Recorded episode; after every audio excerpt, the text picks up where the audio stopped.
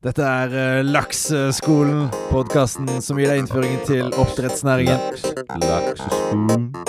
Komme seg på rett side av historien. Bli med på lakseskolen. Hjertelig velkommen til uh, denne episoden om laksepolitikk. For å forstå oppdrettsnæringen har jeg skjønt at uh, vi også må forstå reglene som følger med næringen.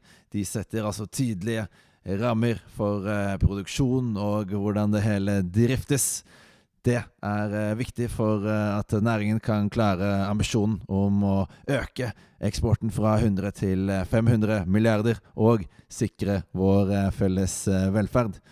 For å hjelpe oss har vi statssekretær i Fiskeridepartementet, Trine Danielsen.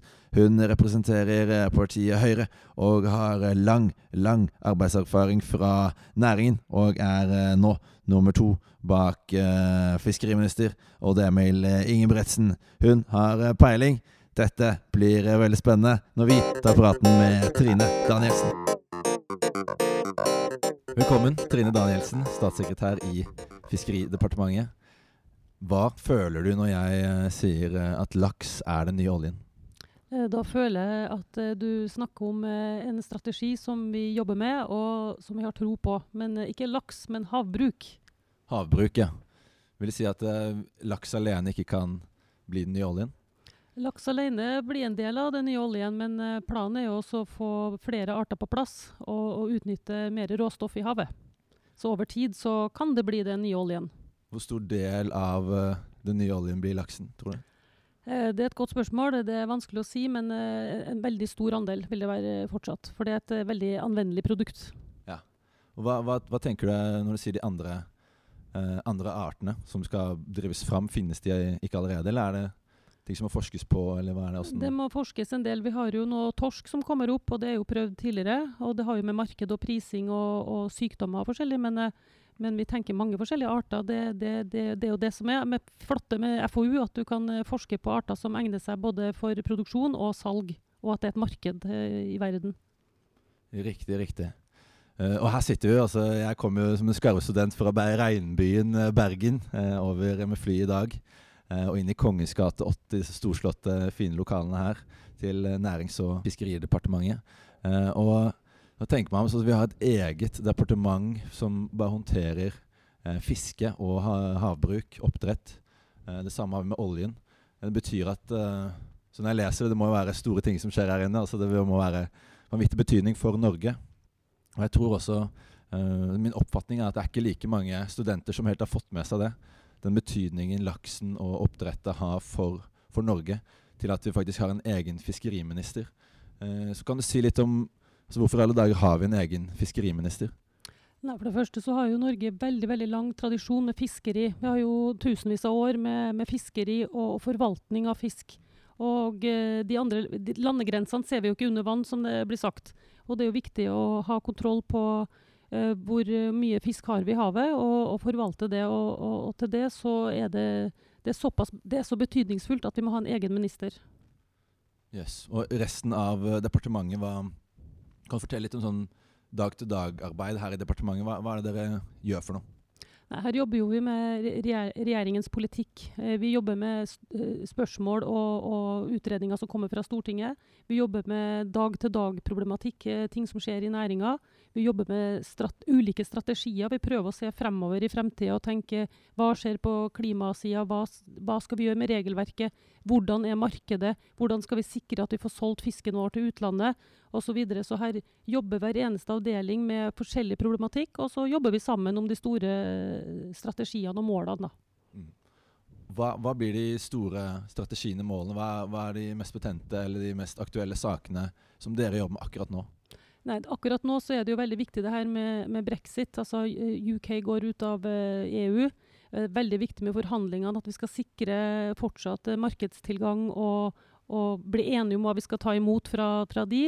Det pågår nå, og det er, veldig viktig for landet.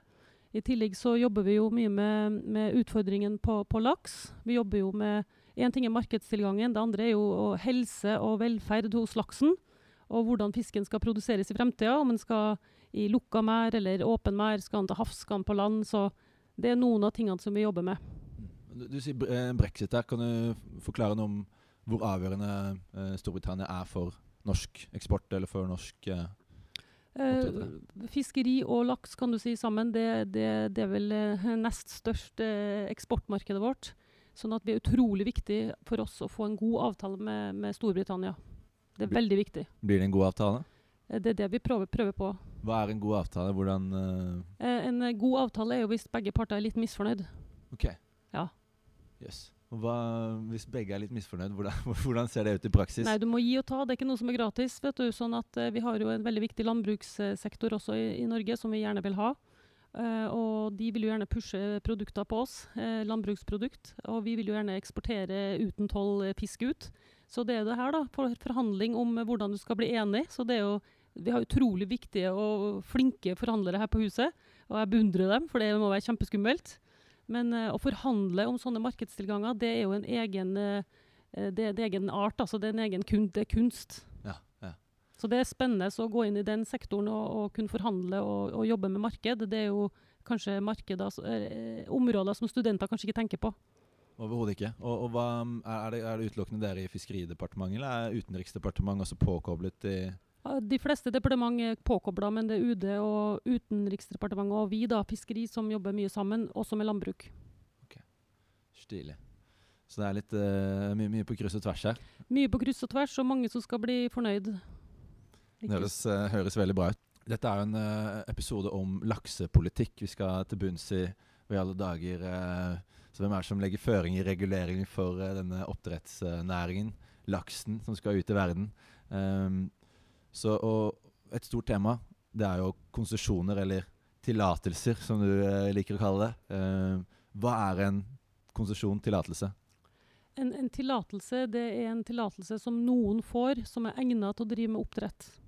Og det må man søke spesielt på. Og hva er hensikten med dette tillatelsessystemet? Det er sånn at uh, Man bruker jo fjordsystemet i, i Norge.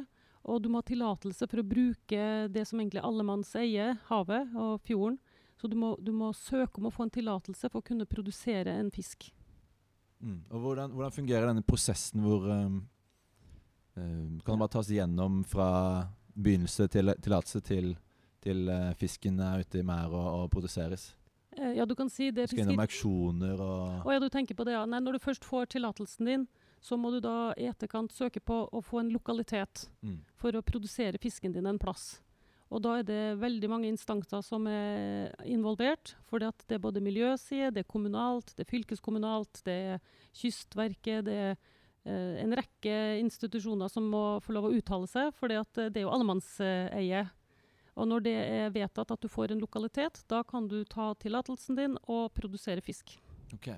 Så er, hvis jeg kommer her med en, en drøm om å starte et oppdrettsanlegg, så er det en god del ting jeg må, må gjennom her. Ja, du må også ha en god del penger. For En du god del må penger, ha. En tillatelse koster i dag fra 150 til 200 millioner. I alle dager. Hvorfor har prisen eh, blitt så enorm? Det er fordi at det er veldig attraktivt å, å produsere fisk. Man tjener gode penger, og eh, det er begrensa med lokaliteter og muligheter for å produsere. Er riktig. Markedet styrer. Markedet styrer. Det flotte markedet. Og da eh, Dere har jo ymtet frampå her med en ambisjon om eh, at eh, lakseeksporten skal gå fra 100 milliarder til, som den er i dag, til 500 milliarder eh, i 2050. En eh, offensiv, ambisiøs ambisjon. Jeg digger det. Eh, la oss kline til. Men eh, hvis dere skal ha alle disse restriksjonene, så hvordan ehm, skal dette gå? For først må jeg si at eh, det var ikke eh, vi i departementet som laga den, eh, den fremtidsscenarioet en gang i tiden. Det var et utvalg av vitenskapsfolk. Ja. Når det er sagt, så har det blitt brukt i veldig mange anledninger. Fordi at man tenker seg en visjon om at vi har mulighet for å, å produsere fem ganger, da, fem ganger mer enn i dag. Når, når det er sagt, så er det jo sånn at vi må ha som jeg sa, lokalitet. Vi må ha fôr til fisken. Vi må ha marked for å selge fisken. Vi må ha utstyr, vi må ha areal, vi må ha ganske mange ting som må på plass. Og klart at Man jobber jo med mange ting på en gang, men å si at i 2050 er det femdobla, det, det er kanskje et mål. Men det er veldig mye som må ligge til rette. Eh, vi må ha bærekraftig fiskeoppdrett. Eh, det må ikke gå på bekostning av miljøet, da, for å si det sånn. Men hvordan ser du en løsning på det her, da? Hvordan klarer vi å utvide? Eh, Det er et godt spørsmål. Vi må jo få først eh, kål på det med lakselus. Eh, Det er jo blitt en næring i seg sjøl. Å finne ut hvordan skal man ta kverken på lakselusa. Det er jo en naturlig parasitt som svømmer rundt i sjøen uansett. Og det er klart når det er veldig masse lakser inni en fjord, så blir det også veldig mange lakselus. Så det er jo derfor vi nå jobber med mm, hvor skal man drive fiskeoppdrett. Med hensyn til strømmen, med hensyn til miljøet osv. Kan man ha noe i lukka systemer? Kan man ha noe ut på Frigg-feltet? Kan man ha noe på land? Det er sånne ting man ser på om man kan eller, eh, spre risiko og gjøre minst mulig eh, avtrykk på naturen. Mm. Det forskes jo nå mye på oppdrett på land og, og offshore. Hvordan vil dette da um, Tillatelsessystem eller konsesjonssystem eller uh, Hvordan vil dette bli, bli for opptatt på land og offshore? Er det, vil er det kanskje der jeg skal begynne å putte pengene? De jeg ikke Eh, har, men Nei, det må bli opp til deg hvor du putter dine penger. Men uh, det er jo sånn en gang at vi har jo fjordsystemet i Norge. Vi, har jo, vi er jo verdens uh, flotteste land med verdens lengste fjordsystem. Og, og hvis vi kommer oss på land, så kan man jo egentlig produsere en fisk hvor som helst. Så, så målet for de fleste det er å produsere i fjord, eh, på havet, kanskje litt på land, og i kombinasjon med sjø og land. Så det er sånne ting vi, vi jobber med. Um, hvor er det mest fornuftig å produsere fisk eh, i store mengder over tid? Mm. Men uh, hvordan er kon- tillatelsen på, på land og offshore nå? Er det, koster det penger, eller er det Nei. Per nå så er, koster det ikke å få tillatelse til å produsere på land, men der må du ha areal, og du må ha ferskvann. Så må Så du ha tillatelse fra kommunen, da. Ok, ja. Så, så det koster litt penger da? Nei, det koster egentlig ikke mer penger enn om du skulle bygd en vanlig bedrift. Ok, riktig. riktig. Så det er det er litt rimeligere. Så det er litt, eh, det er litt forskjell, og, og sånne ting jobber vi også med. Hvis det blir veldig populært at alle vil på land, så kan jo ikke det være gratis på land og ikke gratis på sjø. For da, det er jo, ikke, det er jo konkurransevridende. Så sånn problematikk diskuterer man med næringa, man diskuterer det med, med, med finans og osv. Og så skal man prøve å finne en god løsning. Men per i dag så er det ikke eh, normalt å produsere slaktefisk, altså ferdig fisk for marked, på land. Det er det veldig få som gjør. Mm. Mm. Men det kommer kanskje. Det Da kommer det også utlandet. Ja, ikke sant? Ja. Og da har vi konkurranse. Med en gang konkurranse. Så Hva, hva er det du som tenker um, så Hva er fordelen med, med, med Norge som en oppdrettsnasjon? Vi har i fjordene, som du har vært inne på her. Ja. Um, også deres uh, arbeid i, i departementene, ikke sant. Um, Regelverk. regelverk, uh, som det heter sikkert korrekt. Mm. Hva, hva, hva er fordelen med det kontra kanskje Chile, hvor det er, har gått litt ut av styr? Og, Problemet med Chile, eller ulikheten mellom Chile og Norge, det er ganske enkelt. Det, her i Norge så er vi veldig flinke til å snakke sammen. Altså Vi har for det første veldig dyktige departement, og det andre er at akademia, eller FoU, da, forskning og utvikling, næringer og myndigheter snakker sammen. Og, og vi vil ha et restriktivt opplegg, sånn at vi er sikre på at det ikke går på bekostningen av miljøet. Her, her, her er det dem demokratisk. Vi prøver også å gå sammen i, i samme retning, ikke at noen ønsker seg kjapp profit og gønne på. Og så ja, da kan det få en konsekvens på naturen. det er riktig, Så det er god eh, statlig kontroll Ja. og kommunikasjon da, som er, er nøkkelen, kanskje. Ja, den kan alltids bli bedre, men uh, vi er flinkere her til å se helhet over tid. Og, og, og, og kommunisere departement imellom og næring imellom. Hvis du skal mm, skissere den ideelle eh, politikken eh, eh, for denne utvidelsen type eh, 100-500 milliarder, altså hva, hva, hva er på en måte den ideelle politikken? Er, føres den nå, eller er det suboptimalt? Eh, du kan si det er suboptimalt i dag pga. lakselus. Ja. Um, og så er det som har nevnt at eh, skal vi stimulere til å få ting på land, ja da kan vi fort konkurrere oss sjøl ut. Mm. For da vil man jo selvfølgelig lage oppdrettsanlegg i Frankrike og ah, USA og, og nære marked.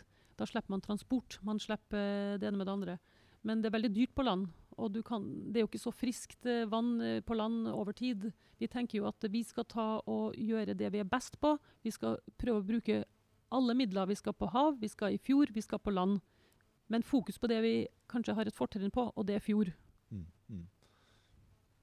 Og så er det jo, som du er inne på, den biologiske utfordringen med, med lakselus og eh, ja, ILA, ikke sant? andre typer sykdommer, som vi kommer til å komme mer inn på i en annen episode her. Men uh, dere har da utarbeidet et uh, trafikklyssystem.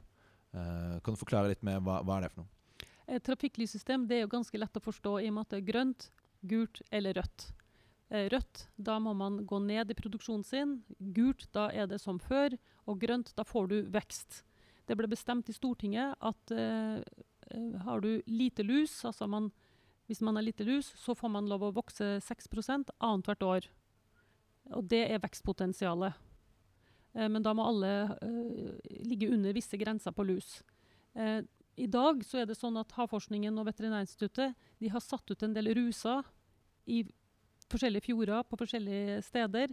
Så måler de hvor mye lus det er på vill smolt, altså smålaks, som skal svømme fra elva og ut i havet.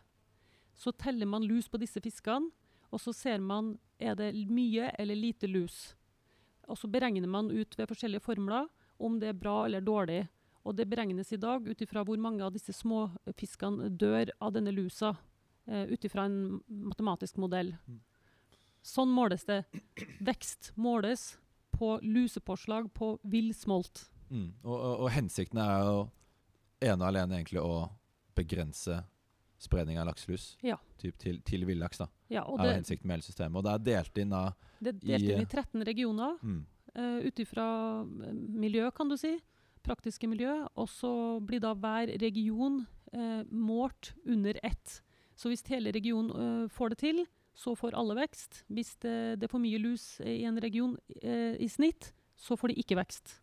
Og det her er veldig omdiskutert, men det er det eneste og det beste systemet vi har i dag. Vi har ingenting annet å måle lus og vekst på. mm, mm. Og det er valgt å bruke lakselus, for det er det som er problemet. Ok, så uh, vil det komme noe tilsvarende system eller ILA eller disse andre sykdommene? Uh, vil det komme noen andre begrensninger uh, inn i bildet fra høyre og venstre, som du ser det fremover? Nei, ikke som jeg ser det, men det er klart at det jobbes jo hardt med vaksinering. Og en, eh, en fisk i dag får jo som en baby eh, seks vaksiner før den går ut i sjøen. Så på sykdomssida så er det et litt annet bilde. Der jobber man med vaksiner. Men om det blir noen restriksjoner på vekst pga. det i fremtida, det er vanskelig å si. Mm. Også litt over til um, andre begrensninger det legger på næringen mer um, finansielt eller gjennom skatter og avgifter. Kan du fortelle hvordan oppdrettsnæringen nå blir beskattet, avgiftsbelagt? Hva er, um, hvordan er tilstanden der nå? Ja.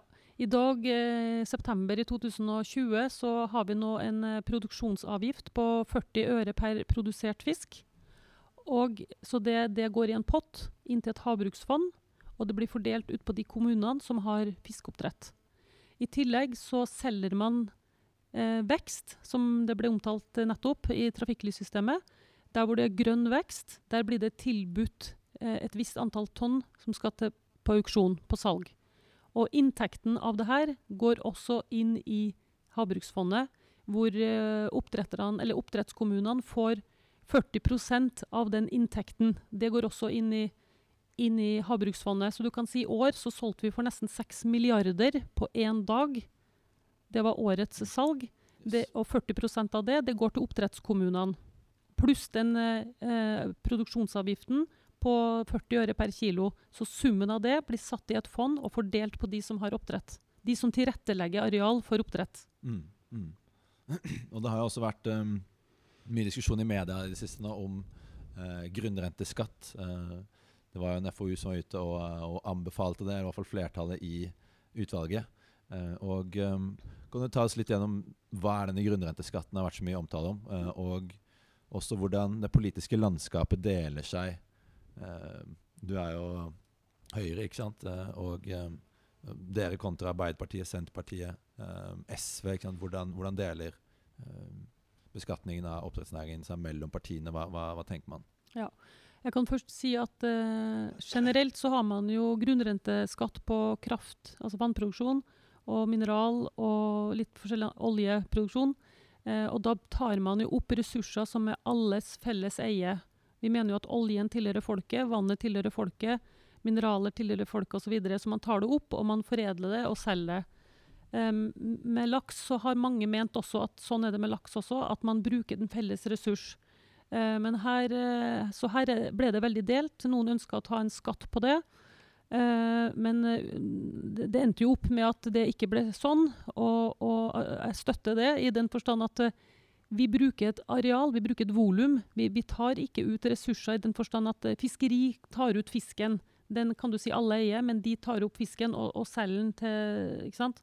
Eh, vann tar eh, kraftverkene ut, og vi produserer strøm. Det er folket sitt vann, det er folket sitt mineral, det er folket sin olje. Men mange, og med meg, er uenig i at vi bruker folkets ressurser når det gjelder fisk, for vi putter faktisk inn alle ressursene. Vi putter inn fôr, vi putter inn småfisk, smolt, vi putter inn teknologi, vi putter inn alt mulig sjøl, og så tar vi det ut. Så vi produserer jo noe som vi lager sjøl. Eh, men vi bruker jo fjorden, og det er jo felles ressurs. ressurs. Og Derfor så ble det nå istedenfor en grunnrente bestemt at vi tar en avgift på det du produserer, eh, istedenfor en grunnrente. Mm. Mm. Så det, sånn ble det. Sånn ble, og hvordan ser dette ut uh, mellom partiene? Altså Hvem er det som er enig i dette her, og hvem er det som Eh, er imot? det, det, det, det, det spriker litt i alle partier, egentlig. Ok, Så ingen er Ja. enig med noen? Nei, no, Noen partier mener jo at uh, det skal være grunnrente, men andre ikke. Men eh, det, ganske, det, det spriker ganske godt. Mm. Vi skal jo nå i en annen episode snakke med Linda Nøstbakken, som eh, kanskje har litt annet uh, syn enn deg. Så får vi Mm. Ja. høre henne, hennes argumenter der. Ja. Det blir spennende. Det blir spennende, men, men vi ser det sånn at vi, vi, vi bruker ikke opp ressursene som ligger der. Vi, vi produserer dem sjøl. Mm. Vi låner et volum. Låner et volum. Så eh, litt avslutningsvis her. Um, det er jo dette fiskeridepartementet her. Uh, Guddommelig, herskapelig royalty building. Um, og vi har jo vårt eget um, olje- og energidepartement også. Uh, de har jo sitt eget, kanskje, typ. Uh, er det slik at i 2050 så har dere byttet lokale med uh, Olje- og energidepartementet og blitt et helt eget type fiske- og havbruksdepartement? Godt mulig. Godt mulig. Ja, vi har, vi, altså, vi har jo Hvis man ser til havet, eh, så er det utrolig masse uutforska der. Mm. Og det det jobbes med nå, det er jo sammen med olje og andre departement for å se på hvordan kan vi jobbe sammen eh, i, i lang tid.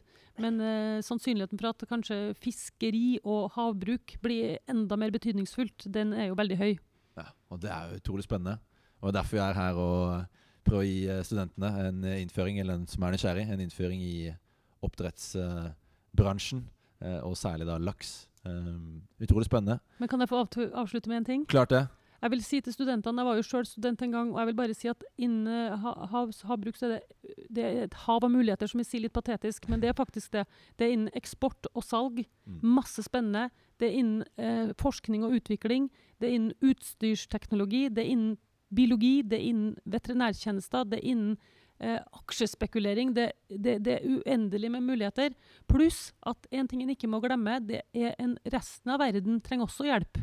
Og vi er best i verden på, på havbruk og fiskeri, på forvaltning. Sånn som Havforskningen i Bergen. De er jo best i verden på forvaltning. Altså Det er så mange muligheter innen havbruk. Og det er, det, det, det er en positiv fremtid. Det er bærekraftig mat. Det er massevis av penger i denne bransjen her hvis man eh, produserer rett og gjør de rette valgene fremover. Og det, det er opp til de studentene som er på skolen nå, for å si det sånn. Nye, smarte hoder med digital tenkning. Hurra. Hurra, hurra. Fantastisk. Tusen takk skal du ha. Takk skal du ha.